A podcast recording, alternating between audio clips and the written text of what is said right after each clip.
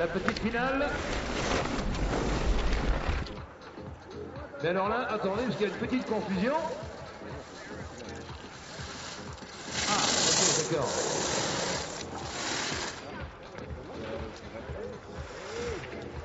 Allez, c'est disqualifié, Rémi, d'accord. On joue la troisième place.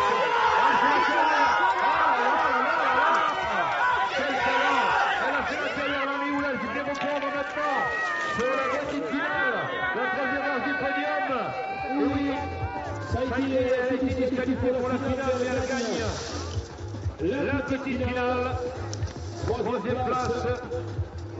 Selon Marie et pour le top départ avec Béatrice Zimmermann, la Suisse, la Suisse pense. C'est parti. Allez, Arge. Argeline et Béatrice. Allez, le public, alors là, franchement, je compte sur vous, faut faire du bruit pour encourager la Française. Elle joue son titre. Elle joue son titre. Attention, on suffit rattraper un tout petit peu la. Ah non C'est dommage pour la bataille. C'est dommage. C'est dommage.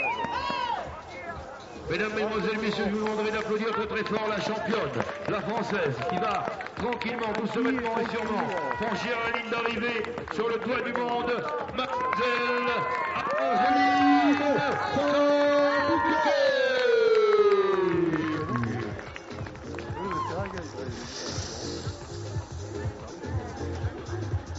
Et voilà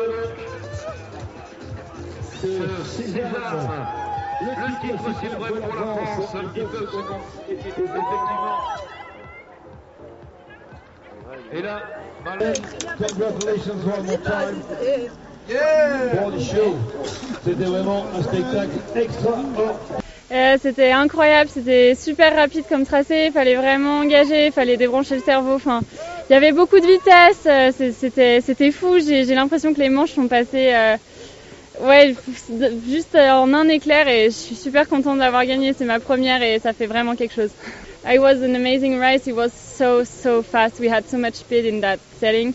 It was I had amazing feeling. I was like I don't know, like flying in the gates, and I'm super happy uh, to win that uh, to win that race because it's the first time for me in parallel. C'est parti avec la Norvège.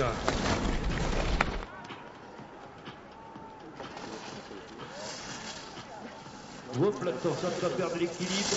Lequel des deux athlètes norvégiens ferait la différence Il ira donc monter sur la troisième marche du podium. On va le savoir dans quelques instants maintenant.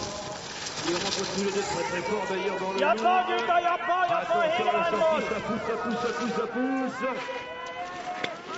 Allez le public, on peut les encourager, les applaudir maintenant, ça doit être fait. C'est la partie gagnée, effectivement, entre les comparses norvégiens.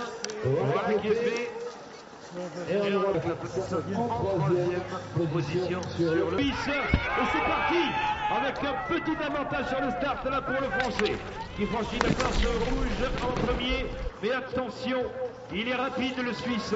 Il est rapide Philippe Gao là qui a envoyé du lourd là. Il essaie de maîtriser au maximum son run. Oh là là, attention, ça arrive très très fort. Regardez, regardez.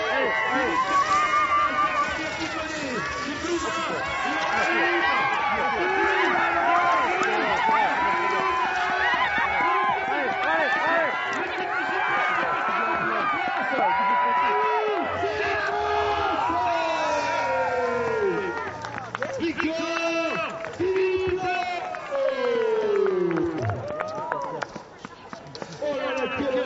Quel quel pilote Philippe Lowe sur la plus haute marche du podium. Big up, applause, thank you. We have to wait a bit. We have to get the TV out of the way for the picture. And the next appointment, I remind to use the BBQ on the white wall. Merci, c'était vraiment génial. C'était un parcours très rapide, il fallait être rapide avec les pieds. Techniquement, voilà, il fallait être euh, vif. Et euh, voilà, ça a très bien marché pour moi aujourd'hui et je suis vraiment satisfait. Yeah, it was really nice uh, course today. Really fast and really you needed technique to be really active and uh, it was uh, good for me today and I'm really happy and satisfied about the day.